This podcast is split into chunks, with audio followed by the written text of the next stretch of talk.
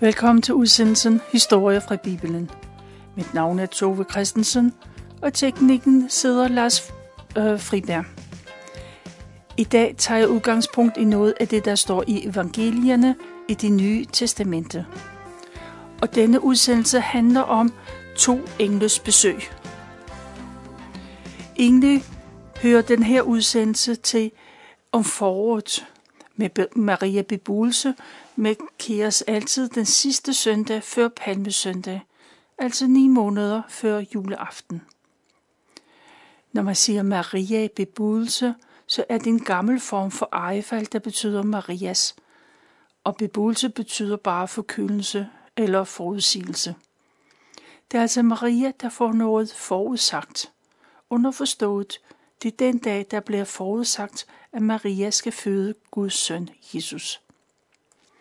Man ved ikke præcis, hvilken dag Jesus bliver født, men man har valgt, at det skal fejres den 25. december. Og derfor markerer man Maria bebudelse ni måneder tidligere. De gamle kirkefædre, de så en dyb sammenhæng mellem tre kvinder i Bibelen. Tre kvinder, der alle blev gravide efter at have haft besøg af engle. Det første, det var Abrahams kone Sara, der fødte Isak, da hun var 90, og Abraham 100. Så er det Zacharias' kone Elisabeth, og hun får Johannes, Johannes døber. Øh, de, øh, hun er måske sidst i 40'erne, ligesom sin mand. Det tror man, fordi Zacharias er oppe i årene. Det er de begge. Men Zacharias er stadigvæk præst, og præsters pensionsalder, det er 50 år. Til sidst så er der Maria og hendes forlovede Josef. Maria bliver ved barn direkte ved Helligånden, og i hendes samtid er det uhørt, at en pige bliver gravid før ægteskabet. De tre kvinder, de modtager budskabet fra Gud forskelligt. Den 90-årige Sara lå, da hun hørte englens besked. Elisabeths mand, præsten Zacharias, kan ikke tro, det englen fortæller, og han blev stum. Men den unge Maria er modig, og hun svarer englen, se, jeg er Herrens tjenerinde. Lad det ske mig på, efter dit ord, som du vil. Maria er overrasket, men hun vælger alligevel at lade Gud fylde hende i hendes liv, bogstaveligt talt. Kirkefædrene sammenligner Abraham og Sara og deres søn Isaks historie med Maria og Jesu historie. Gud kaldte Abraham til at blive et stort og mægtigt folk. Gennem en af hans slægt skal alle jordens folk og velsignelse. Jesus er opfyldelsen af den velsignelse. Zacharias og Elisabeth får sønnen Johannes. Han blev født et halvt år før Jesus. Hans livsopgave bliver at forbinde profetierne i det gamle testamente med Jesu komme. Og Johannes, han er en af de få, der er klar over, at det gamle testamentes tid den var ved at være forbi, og Guds profetier er ved at gå i opfyldelse. Zacharias bor sammen med sin kone Elisabeth i en lille landsby et sted i Judas højland. De er ikke unge mere, men de har ikke fået det barn, som de begge har ønsket sig. Zacharias er præst, og cirka to gange om året, så tager han en uge til Jerusalem. I den uge gør han tjeneste i templet. En dag går Zacharias ind i det allerhelligste rum, der hvor der kun må komme præster og kun én præst ad gangen. Zacharias står ved siden af aldret, da han pludselig får øje på en engel, og det gør ham forskrækket. Men englen beroliger Zacharias og siger, at Gud har hørt hans bønder. Hans kone Elisabeth får en søn, og, eller han, hun skal have en søn, og han skal have navnet Johannes. Det barn skal blive til stor glæde både for Zacharias, men også for mange andre. Englen fortæller, at Johannes vil blive en af Guds største tjenere. Han skal ikke drikke vin eller øl, og drengen vil blive fyldt med helligånden allerede før han blev født. Mange vil søge Gud, når de hører ham tale. Han vil gøre folk parate til møde Gud Herren. Zacharias, han har indvendinger. Det her, det er svært at tro. Han er jo en halvgammel mand, og hans kone er også godt op på årene, siger han. Englen svarer, at Gud har sendt ham, og fordi du, Zacharias, tvivler, så skal du blive stum. Først når barnet er født, så kan du tale igen. Englen er væk, og Zacharias står tilbage. Han gør sine ofringer færdige, og så kommer han ud af templet. Han vil gerne fortælle, hvad der er sket, men han kan ikke. Han er stum. Zacharias fortsætter med sine pligter resten af ugen, og så tager han hjem til sin kone. Og der sker det, som englen forudsagde. Elisabeth bliver gravid, og hun er glad og taknemmelig. Det er Gud, der har gjort det, siger hun. Gud har været nåde imod mig og taget min skam bort. Skammen af at være barnløs har hun haft hele sit voksenliv. Men nu er det vendt til glæde. Og så går der et halvt år. Og så kommer englen til Nazareth. Nazareth er en lille landsby. Måske er der bare 100 indbyggere.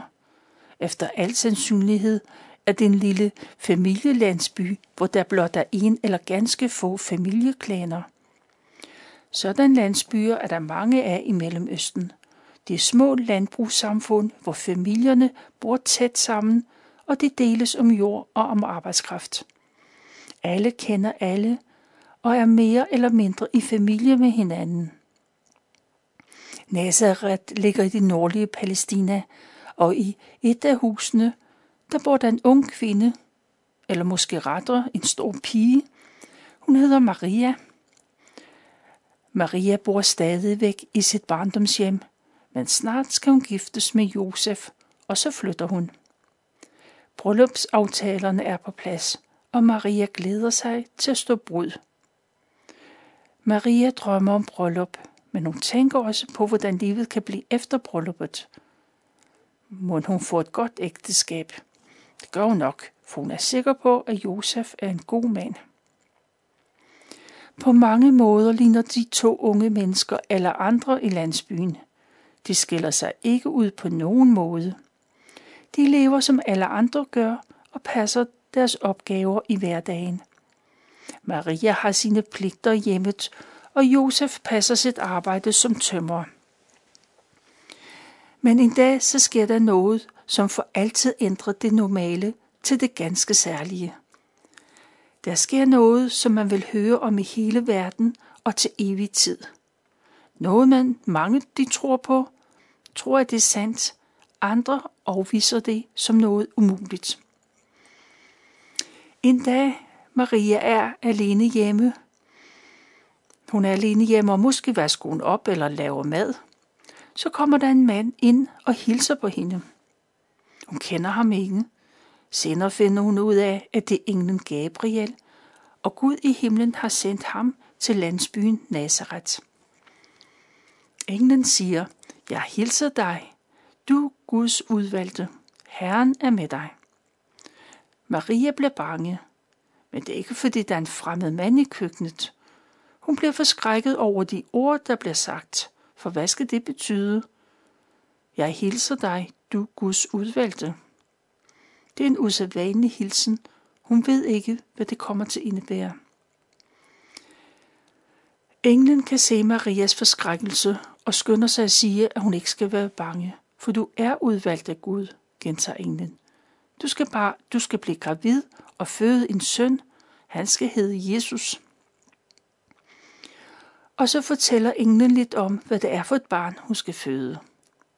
Gabriel siger, at barnet skal blive stort og kaldes den højeste søn. Han skal altid være konge over Israel, og hans herredømme vil aldrig få ende. Maria får mange informationer på én gang, og det er svært at fordøje dem alle. Hun får at vide, at hendes ufødte søns fremtid blev fantastisk, og det vil varme en hver mors hjerte. Men Maria er nu mere optaget af det praktiske her end nu. I første omgang sanser hun kun, at hun skal være gravid eller blive gravid. Tankerne farer igennem hjernen.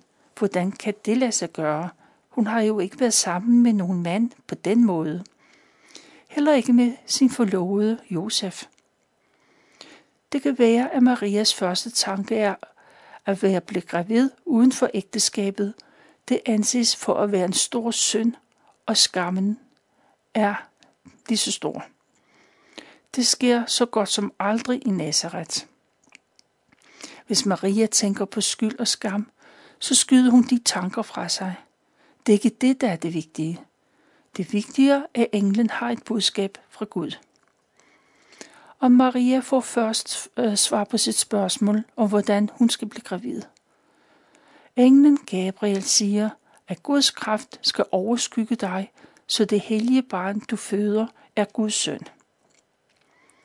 Og Maria er klar over, at det er Gud selv, der vil hende noget. Englen svarer, eller Maria svarer derfor englen, se, jeg er Herrens tjenerinde. Lad det ske, som du har sagt. Gabriel, englen, har afleveret sit budskab, og Maria har stillet sig til rådighed. Hun er gravid med Guds søn. Hun har faktisk fået en hel del at vide om det barn, hun nu venter. Hun skal føde Guds søn, men det kommer ikke, hvad det kommer til at indebære, det ved hun ikke. Maria kender ligesom så mange andre de forudsigelser, der står i skrifterne. Det, som vi i dag kalder det gamle testamente. Der står mange forudsigelser, der handler om, at han skal komme. Gud skal komme. Maria tænker på det englen sagde om hendes kommende søn, der skal være jødernes konge. En stor konge. Dengang kong David regerede, tusind år tidligere, var Israel et stort og selvstændigt land. Aldrig har Israel været større eller haft en bedre konge. Nu bor det jødiske folk på et lille område, og det er underlagt romeriet. Som alle andre jøder håber Maria, at Israel igen skal blive et stort og selvstændigt land, for det har Gud lovet. Betyder englens ord, at hendes søn skal være konge og regere det land? Eller mener englen i virkeligheden noget helt andet? Maria ved det ikke, men husker på ordene. Måske får hun en dag svar på det spørgsmål. Her og nu har Maria en konkret opgave – hun skal være mor for Guds søn. Maria holder det ikke hemmeligt, at hun er gravid. Det kan være, hun prøver at forklare familie og naboer om englens besøg, men ingen tror på det, hun siger. Sladeren går i den lille landsby, som det altid gør, og snart hører Josef om Marias graviditet. Josef, han er ikke begejstret. Han ved, at det ikke er ham, der er far, og så kan der kun være en anden forklaring. Maria har været sammen med en anden mand. Josef har ikke lyst til at gifte sig med en pige, der venter en anden mands barn. På den anden side er et brudt forlovelse heller ikke godt, for at være forlovet er næsten det samme som at være gift. Uanset hvad han vælger, får hans beslutning konsekvenser. Josef, han er ikke spor impulsiv. Han er en god og reel mand, og han vil gøre det så godt for Maria som muligt. Han vil ikke udstille hende som et dårligt menneske. Og Josef går og tænker tanker om at skilles, men det skal ikke være dramatisk. Han vil gøre sit til, at skammen øh, over den brudte aftale bliver så lille som muligt. Josef går og tumler med de tanker, og i nat drømmer han en meget livagtig drøm. Josef er ikke spor i tvivl om, at det er Gud, der taler til ham. Gud siger, Josef, Davids søn, vær ikke bange for gifte dig med Maria, for det barn, hun venter, er undfanget ved Helligånden.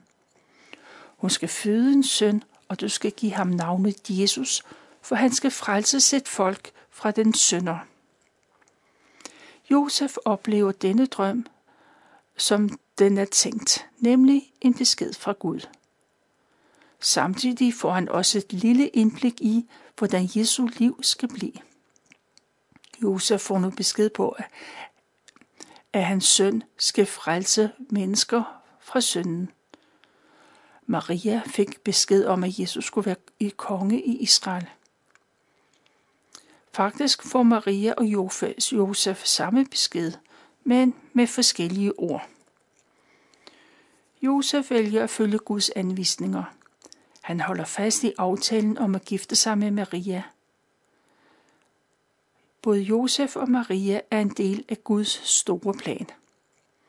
Det er en plan, der er skitseret i det gamle testamente.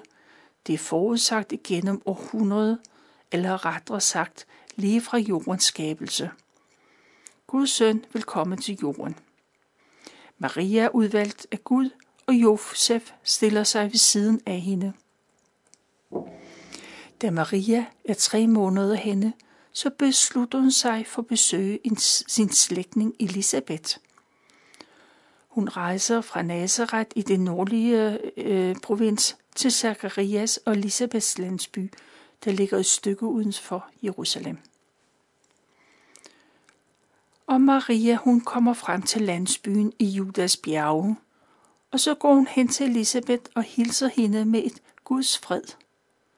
I samme øjeblik Elisabeth hører Marias fredsilsen, så sparker barnet i hendes mave, og hun bliver selv fyldt med helligånden. Maria, råber Elisabeth glad, hvor er du en velsignet kvinde, og velsignet er det barn, du venter. Hvilken ære, at Guds mor kommer og besøger mig. Elisabeth er ikke i tvivl om, at det er Guds søn, Maria venter.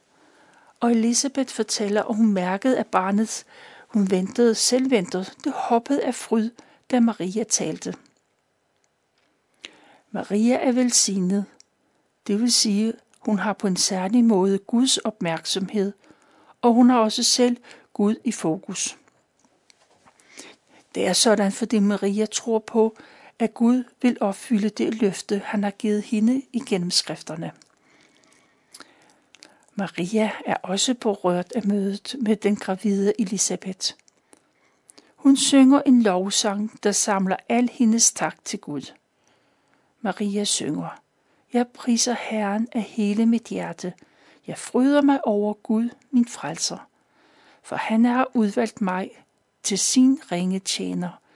Alle kommende slægter vil kalde mig velsignet, for den almægtige har gjort store ting mod mig.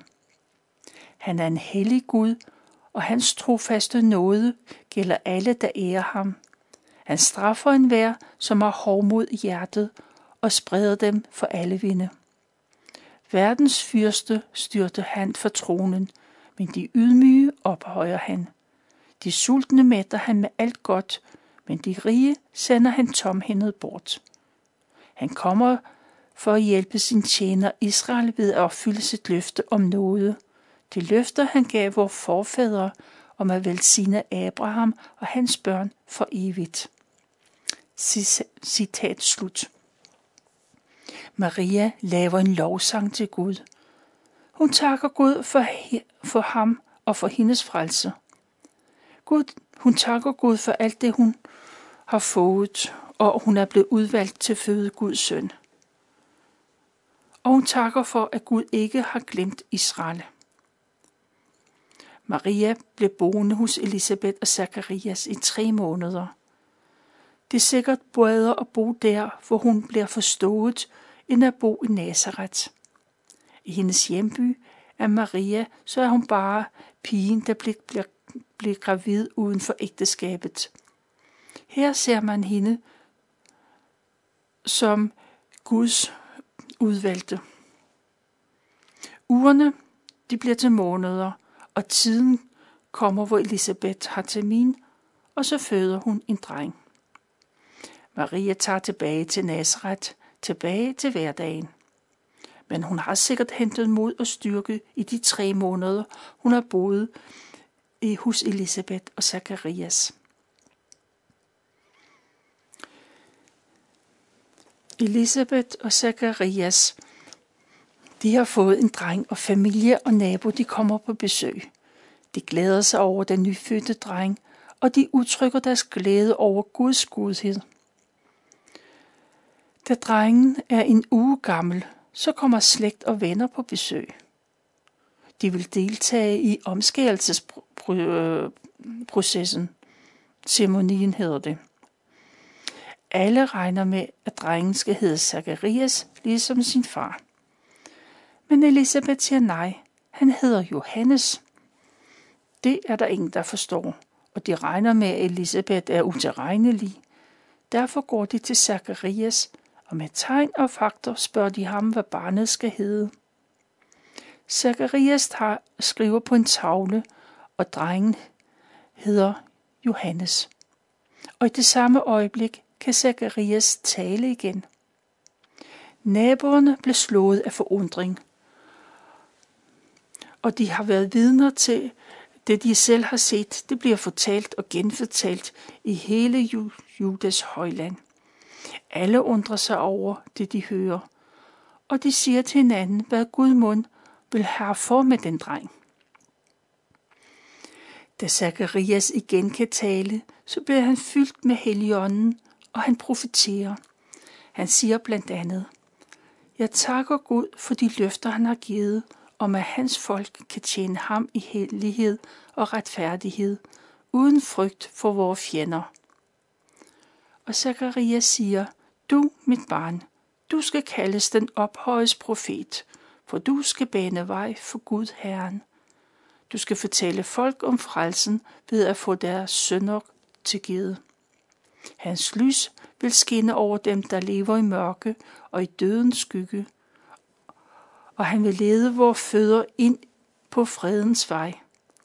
Sådan lovpriser Zacharias Gud. Elisabeth og Zacharias ser deres lille Johannes vokse op, og de ser, at han har modtag, er modtagelig for åndelige åbenbaringer.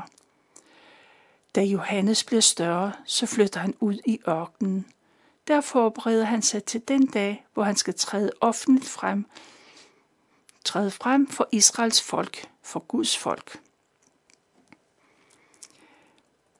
Der var jeg valgt at fortælle om, op, om optakten til jul. Du kan læse om det i Lukas evangeliet kapitel 1 og i Matthæus evangeliet også kapitel 1.